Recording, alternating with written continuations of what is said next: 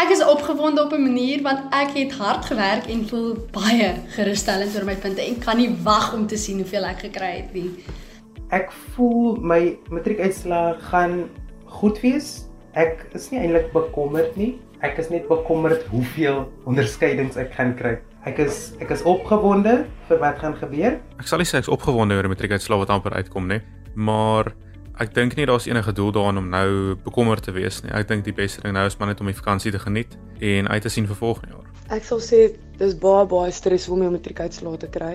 Die wag is die ergste want jy weet nie wat om te verwag nie, maar terselfdertyd baie baie opgewonde omdat dit jou pad gaan oopmaak waarin jy graag wil spesialiseer. So dit is maar 'n 'n opgewonde, stresvolle tyd wat voor lê.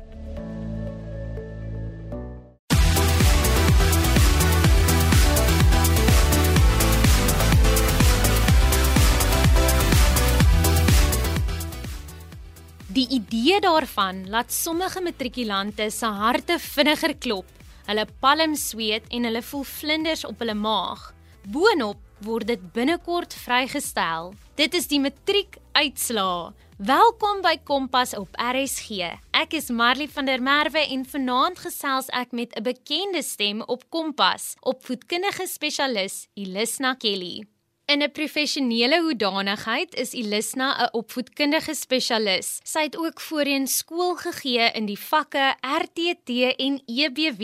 As mens het sy 'n ongelooflike passie vir die ontwikkeling wat gebeur as iemand opvoedkundig opgehef word. Ilisna glo dat vir iemand om uit hulle omstandighede op te staan, is 'n hele paar belangrike faktore noodsaaklik en opvoedkunde is een daarvan. Die Amerikaanse filosoof Mortimer Adler het eens gesê: "Die doel van leer is groei en ons denke, anders as ons liggame, kan aanhou groei solank ons leef." Jy luister na Kompas op RSG. Ilisna, dis amper weer sulke tyd. Daardie tyd wat vooraf knaag aan matrikulante en hul ouers, die uitslaa. Wat 'n voorreg om weer vanaand saam met die Kompas span en die RSG luisteraars te kan saamkuier. Vanaand gesels ons oor die matriekuitslae wat eersdaags gaan vrygestel word en terwyl ons nou almal dink 2022 is holre gery, ons kan dit verwelroep het die matrikulante en hulle ouers en ook uh, my kollegas in die onderwys nog nie daardie voorreg nie. Jy sien daardie een aspek op die akademiese kalender moet amptelik nou nog gebeur en dis die uitslae van die graad 12 punte wat dan uitgegee moet word. En party matrikulante betwyfel gaan 2023 nou juis so ruskleurig of voorspoedig lyk en en dit voel val of soveel dinge in die weegskaal hang. Maar vanaand is ons hier om juis oor hierdie uitslag te gesels want het sy daardie uitslag dan positief of negatief is, het hy sekere effekte. En wil ons dan poog om daaroor raad te gee. Een ding wat ek vir elke matrikulant, vir hulle ouer en ook vir die gemeenskap wil sê is, ons plaas net bloot te veel finaliteit op een uitslag. Dis nooit verby nie, dis nooit te laat nie en ek wil juis vanaand 'n bietjie oor die ironiese of die die teenkant van van die uitslaa ook gesels. Want ons dek altyd iets oor wanneer hierdie uitslaa negatief is, maar ek wil bietjie gesels oor goeders waarvoor ons moet uitkyk in die in die leerder wat altyd presteer en en wat nou wel ook weer hopelik presteer het. So ons kop vanaand af deur eers te begin met sou die uitslag kom, watter betekenis het dit dan? Ilisna, ons het voorheen 'n bietjie gesels oor die kurrikulêre belang van die graad 12 jaar en die akademiese uitslag. Ons kurrikulume is so geskryf dat ons 'n finale jaar het in elke fase van opleiding en so is graad 12 dan die uitgangsroete wanneer 'n leerder dan die sekondêre opleiding verlaat en hooplik sal aanbeweeg na tersiêre opleiding sodat hulle hulle self dan kan kwalifiseer of sodat hulle dan in die werkplek dan mag en kan gaan werk. So graad 12 word dan gesien as 'n sekere standaard waaraan ons kan meet watter skolastiese opleiding het die leerder gehad op watter vlak. So daardie uitslag sê vir iemand in 'n professionele hoedanigheid of in 'n keringshoedanigheid watter vakke het hierdie matrikulant geloop en tot watter mate is die leeruitkomste bereik want dit wat ons dan in die kurrikulum inskryf word dan opgedeel in sekere leeruitkomste. Met ander woorde, om hierdie werk goed te verstaan, moet ek hierdie leeruitkomste bereik het. Die assesserings of toetse, eksamens word dan loodreg lynreg met daardie leeruitkomste geskryf in terme van wat ons noem 'n assesseringskriteria. So dit sê dan vir ons wanneer ons daardie uitslag het en 'n leerder het 'n baie hoë punt dat hulle heelwat van die leeruitkomste bereik het. Maar ek sê hierdie omrede baie leerders net die graad 12 jaar as 'n maatstaf vat van hoe hulle gedoen het. En baie ouers sê ook, maar jy dalk nou nie geleer as daar 'n slegte uitslag kom nie. Onthou een ding, as 'n leerder iewers 'n agterstand gekry het, hy het nie lekker verstaan in 'n sekere klas of by 'n sekere onderwyser nie, gaan dit noodwendig effek kan hê op sy bepunting al het hy ook hoe hard gewerk.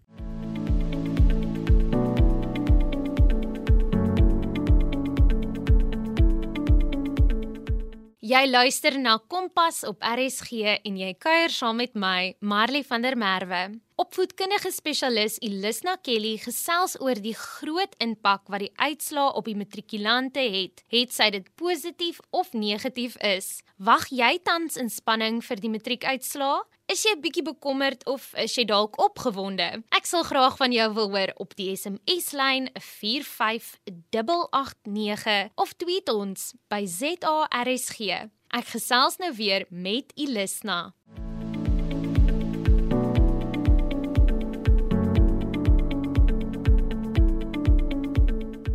Ilis na die uitslag wat 'n matrikulant kry, het so 'n groot impak.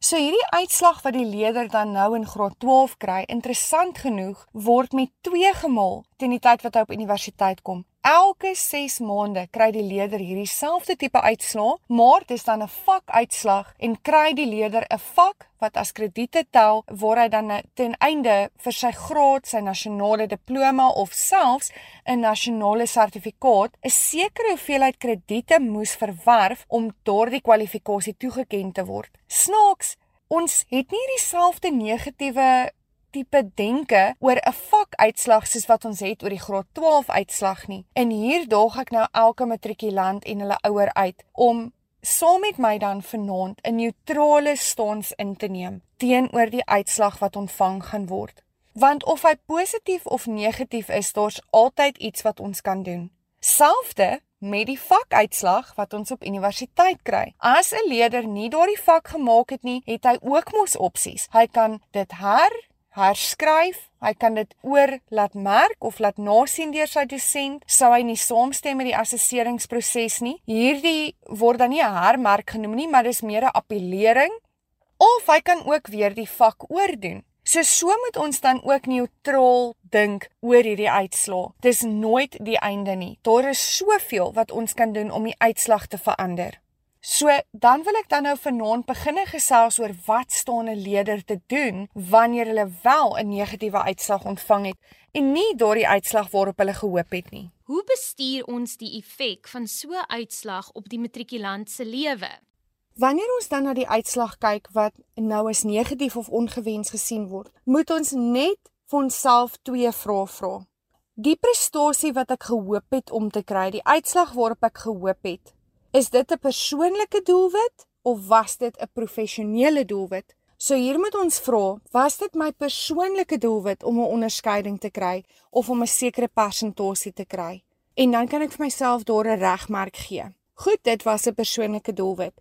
Of was dit 'n professionele doelwit Met ander woorde, hier praat ek oor die toelatingsgidse wat die universiteite en fakulteite dan vrystel en versprei by oop dae of wanneer hulle hoërskole besoek, dan sê daardie gids vir jou wat die minimum toelatingsvereistes is vir 'n sekere kursus. Byvoorbeeld, daar mag geensins 'n behaling van minder as 60% wees vir wiskunde of vir natuurskeikunde nie en so meer. So wanneer die leerder dan wel nog byvoorbeeld 72% het, sal dit so groot effek wees. En dis die tipe vrae wat ons vir onsself moet vra. En in sekere bedrywe of in sekere kursusse is daar so groot kompetisie vir toelatingskap dat ja, maksimale akademiese prestering word van die leerder gevra. Maar ons moet net vir onsself afvra, is dit nie ons wat die leerder gedruk het of die leerder wat hulle self gedruk het om 'n sekere iets te behaal, maar dis nie wat die universiteit van hom of haar vra nie. En dit gaan ook nie noodwendig nou as hulle met 'n matrieksertifikaat wil uitstap, 'n werk soek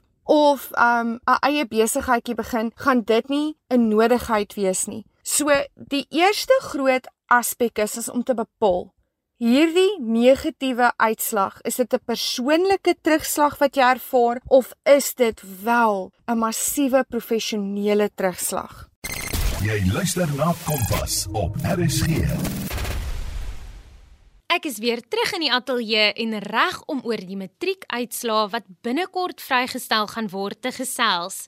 Sou die uitslag positief of negatief wees, wat beteken dit vir die matrikulant?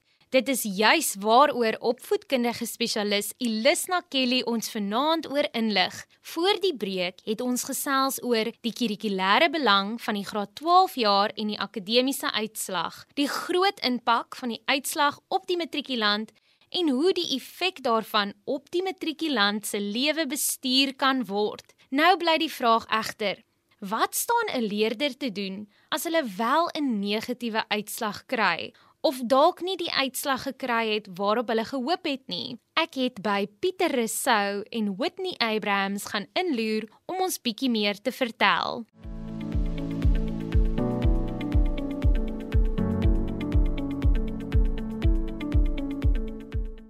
My name is Whitney Abrams. I work for an organization called Life Choices. We are a youth development organization. The program that I'm working in is called Leaders Quest, and it's a leadership program. We also offer tutoring in to support students that is basically grade 11 and grade 12 so we work very closely with grade 11 and 12 and you asked me two questions pertaining to if students fail grade 12 what are the options and what is the process of rewriting? So the process of rewriting is that when the students get their results the school will issue them with a letter if they have failed or the school will issue them with a form which they will have to fill in. The school will help them through the process so they need to go back to the school. The form will need to be submitted at the EMDC and with alongside other documents once the form has been submitted to the EMDC, they will submit it to the education department. And once all the documents has been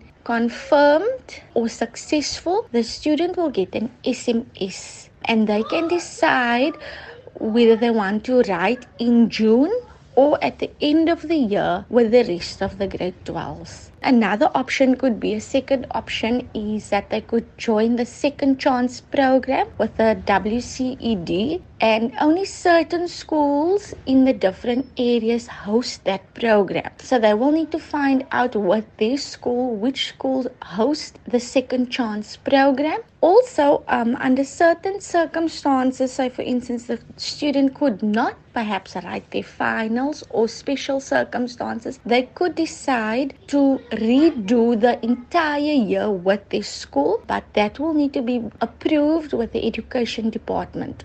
In the instance also of students unfortunately not making it or not passing grade 12, they could do volunteer work while they're waiting to rewrite. That will help them gain experience. They could have casual jobs to get themselves busy, or they could apply for semester two at college because at the college there's a second intake. So when they write in June, they can also apply to study for the next semester. They could also do learnerships, but you need to remember that learnerships or internships has certain requirements. So always look at what is the requirements. So those are the options that they have while they're waiting to rewrite. My naam is Pieter Esou. Ek is 'n onderwyser wat nou al vir 13 jaar met matriekherhalers werk en is nou al vir 10 jaar lank die eienaar van 'n aanlyn matriekheralersentrum, Elroy Academy. Ek wil net graag 'n paar algemene vrae beantwoord en 'n bietjie leiding en instruksies gee as jy dalk nie die uitkoms gekry het waarvoor jy gehoop het nie. Byvoorbeeld, jy dalk gedryf of jy dalk nie universiteitsvrystelling gekry nie.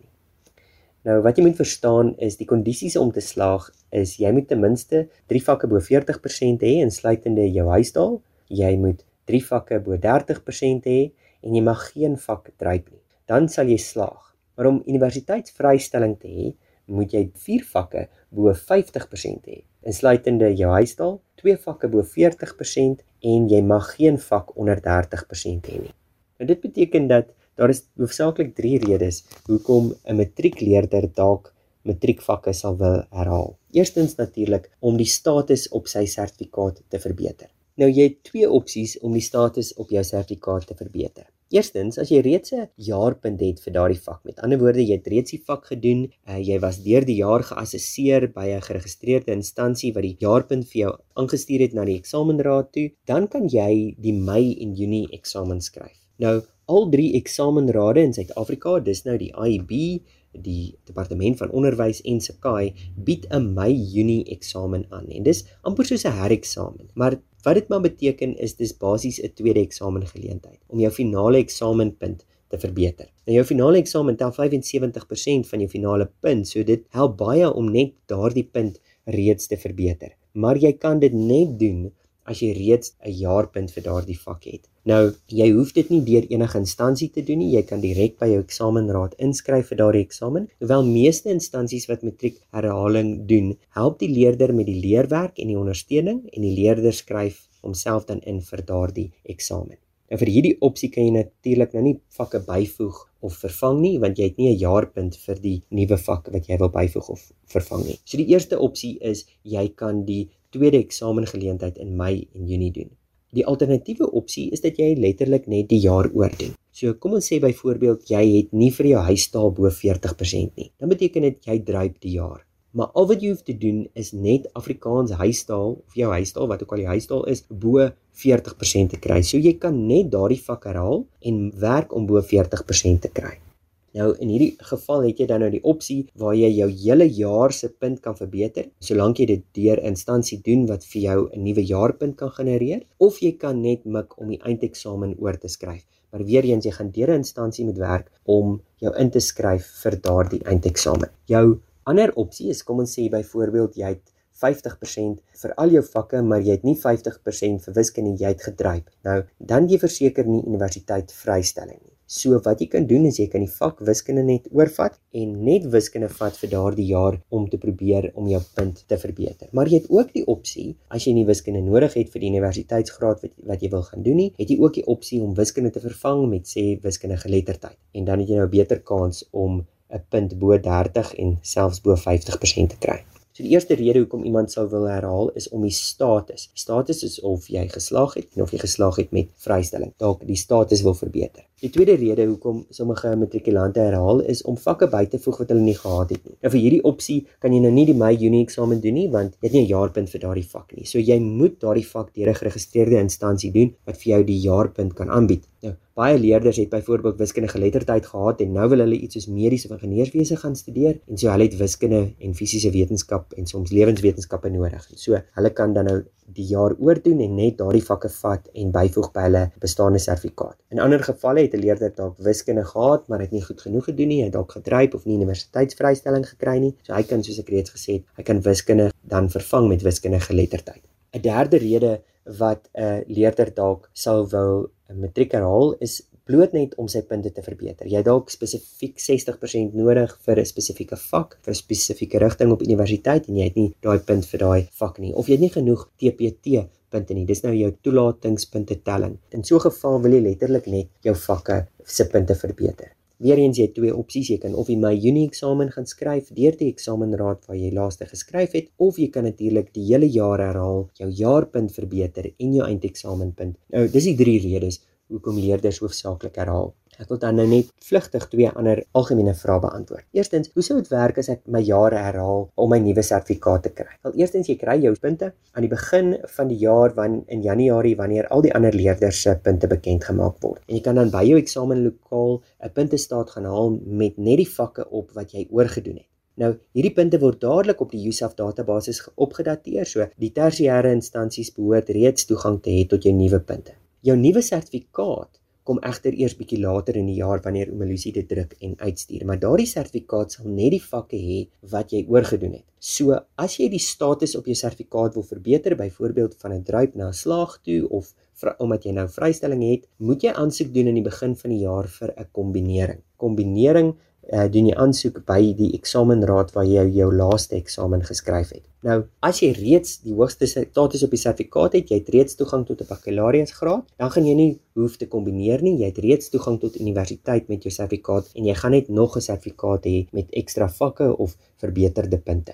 Die volgende algemene vraag is: Hoe doen ek aansoek by universiteit terwyl ek my vakke herhaal? En die antwoord is eenvoudig: Jy doen aansoek met 'n brief van die instansie waardeur jy herhaal met die vakke op wat jy besig is om te herhaal. Nou daai brief sluit dan jou NSS, jou nuwe NSS eksamennommer in, wat dan 'n bevestiging is dat jy geregistreer is vir die NSS eindeksamen. So herhalers doen nie aansoek met uh, jaarpunte nie, want baie herhalers doen nie hulle jaarpunt oor nie. So universiteite uh, gee gewoonlik net voorwaardelike keuring en dan wag hulle vir die punte net soos wat hulle maar wag vir gewone matrieks. 'n laaste woordjie net van my af dat as jy dalk in hierdie geval sit en jy's nou regtig bedruk omdat jy nie die regte punte het wat jy nodig het nie, ek wil regtig jou bemoedig, moenie mismoedig word nie. Ek weet 'n jaar in 'n uh, 'n tiener se lewe voel regtig soos 'n leeftyd, maar dit is gewoonlik nie die geval nie. As jy die moeite doen, gaan jy regtig groei hierdie jaar. Jy gaan meer volwasse word in 1 jaar en dalk gaan jy nog 'n loopbaanverandering maak omdat jy jouself nou beter leer ken buite 'n skoolkonteks. So as jy dalk moet herhaal, vat die jare se geleentheid om regtig jou doel en roeping in die lewe te ontdek terwyl jy enige toedeure oopskop deur jou punte te verbeter. Soos jy dalk enige vrae het, bel ons gerus by Elroy Academy 012 348 4575.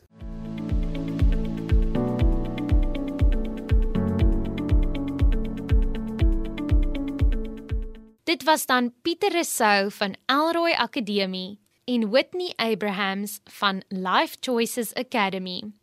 Jy is ingeskakel op Kompas en ek is Marley van der Merwe. Ek haal graag Alexander Graham Bell aan. Wanneer een deur sluit, maak 'n ander oop, maar ons kyk dikwels so lank met spyt na 'n geslote deur dat ons nie eers die een wat vir ons oopgemaak het, sien nie. Opvoedkundige spesialis Elisna Kelly is reg om vir ons haar oplossings te gee om 'n situasie van negatiewe uitslae om te draai.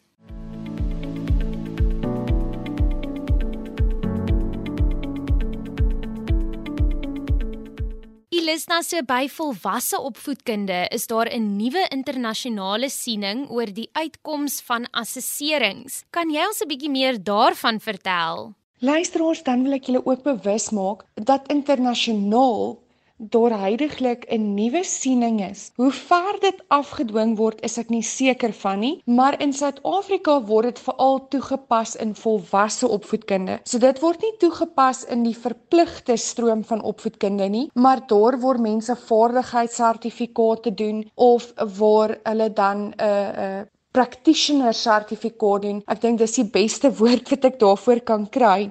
Daar word die uitkoms wanneer 'n assessering gedoen word aan die einde van 'n kursus nie as slaag of druip gesien nie. Maar die nuwe tendens is dat mens praat van competent or not yet competent. Jy's vaardig of jy is nog nie vaardig nie jy het dit bemeester of nog nie bemeester nie. En ek dink is 'n baie positiewe manier om na iets te kyk, want wanneer iemand nog nie geslaag het nie, kan ons nie net daardie etiket om hulle nek hang om te sê fail nie, wat dan vir iemand meer in 'n psigologiese konteks sal voel asof hy 'n failure is. So Ek wil ook dan vanaand sê die internasionale siening van dryp as jy dalk nie hierdie jaar gemaak het nie, is dat jy net nog nie alles bemeester het nie. Maar dit beteken nie jy is iemand wat heeltemal niks bereik het of nie goed genoeg is nie. Inteendeel, dit beteken net jy het nog nie gearriveer nie. En eintlik is dit 'n baie groot uitdaging om aan jouself te bewys dat jy dit wel kan doen en dat dit doenbaar is en dat jy dit kon bereik. Ilisna dan laastens, watse raad of opmerkings het jy vir die leerders wat goed gevaar het? Ons moet nie vergeet om na die leerder om te sien en al welstand ook hoog te ag wat altyd goed presteer en ook hooplik nou goeie resultate gaan hê nie. Gaan soek gerus op na mate die einde van hierdie onderhoud oor 'n tipe A persoonlikheid. Baie leerders het 'n natuurlike gedrewenheid, 'n gedrewenheid wat hulle ouers moontlik nie eers vir hulle gegee het nie om akademies te presteer, om noodwendig suksesvol te wees en om kompeterend te wees. Maar so leerder het sekere risiko's en sekere gesondheidsfaktore wat ons in ag moet neem. So gaan lees gerus op Google oor 'n tipe A persoonlikheid en skerp jouself dalk bietjie daarmee op om te kyk hoe u daardie tipe persoonlikheid optimaal kan ondersteun um nou aan die einde van hierdie matriekjaar maar ook wanneer hulle universiteit toe gaan of 'n eerste werk instap ensovoorts. Iets wat ek hier wil noem is, daar is 'n nuwe sindroom interessant genoeg wat hulle noem imposter syndroom. Wat gaan oor leerders wat nooit voel hulle het wat hulle het in terme van punte omdat hulle dit verdien nie. Byvoorbeeld, daar mag dalk 'n tikfout gewees het of hulle het eintlik nie so hard gewerk nie, hulle kon harder gewerk het. Maar dis 'n leerder wat 3 uur in die oggend gaan slaap of dat daar 'n fout is, hulle is nie so slim soos almal dink hulle is nie.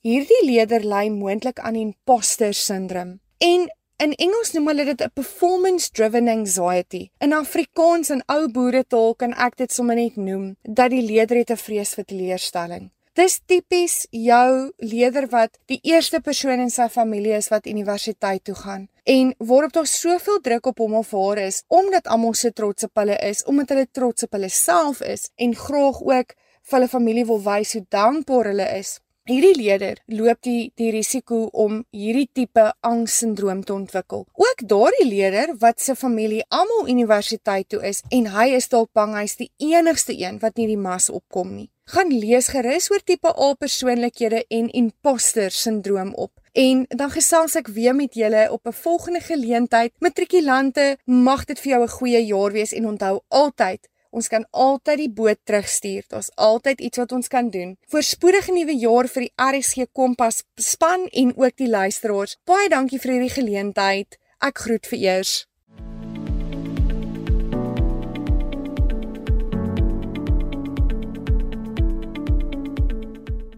Dit was dan opvoedkundige spesialis Ilisna Kelly. Sou jy weer na vanaand se program wou luister, kan jy dit potgooi op ons webwerf rsg.co.za. Soek onder K vir Kompas. Ek los julle dus met die woorde van Ilisna Kelly. Onthou, ons kan altyd die boot terugstuur. Daar is altyd iets wat ons kan doen. En dit was dan Kompas met my Marley van der Merwe. Tot volgende week.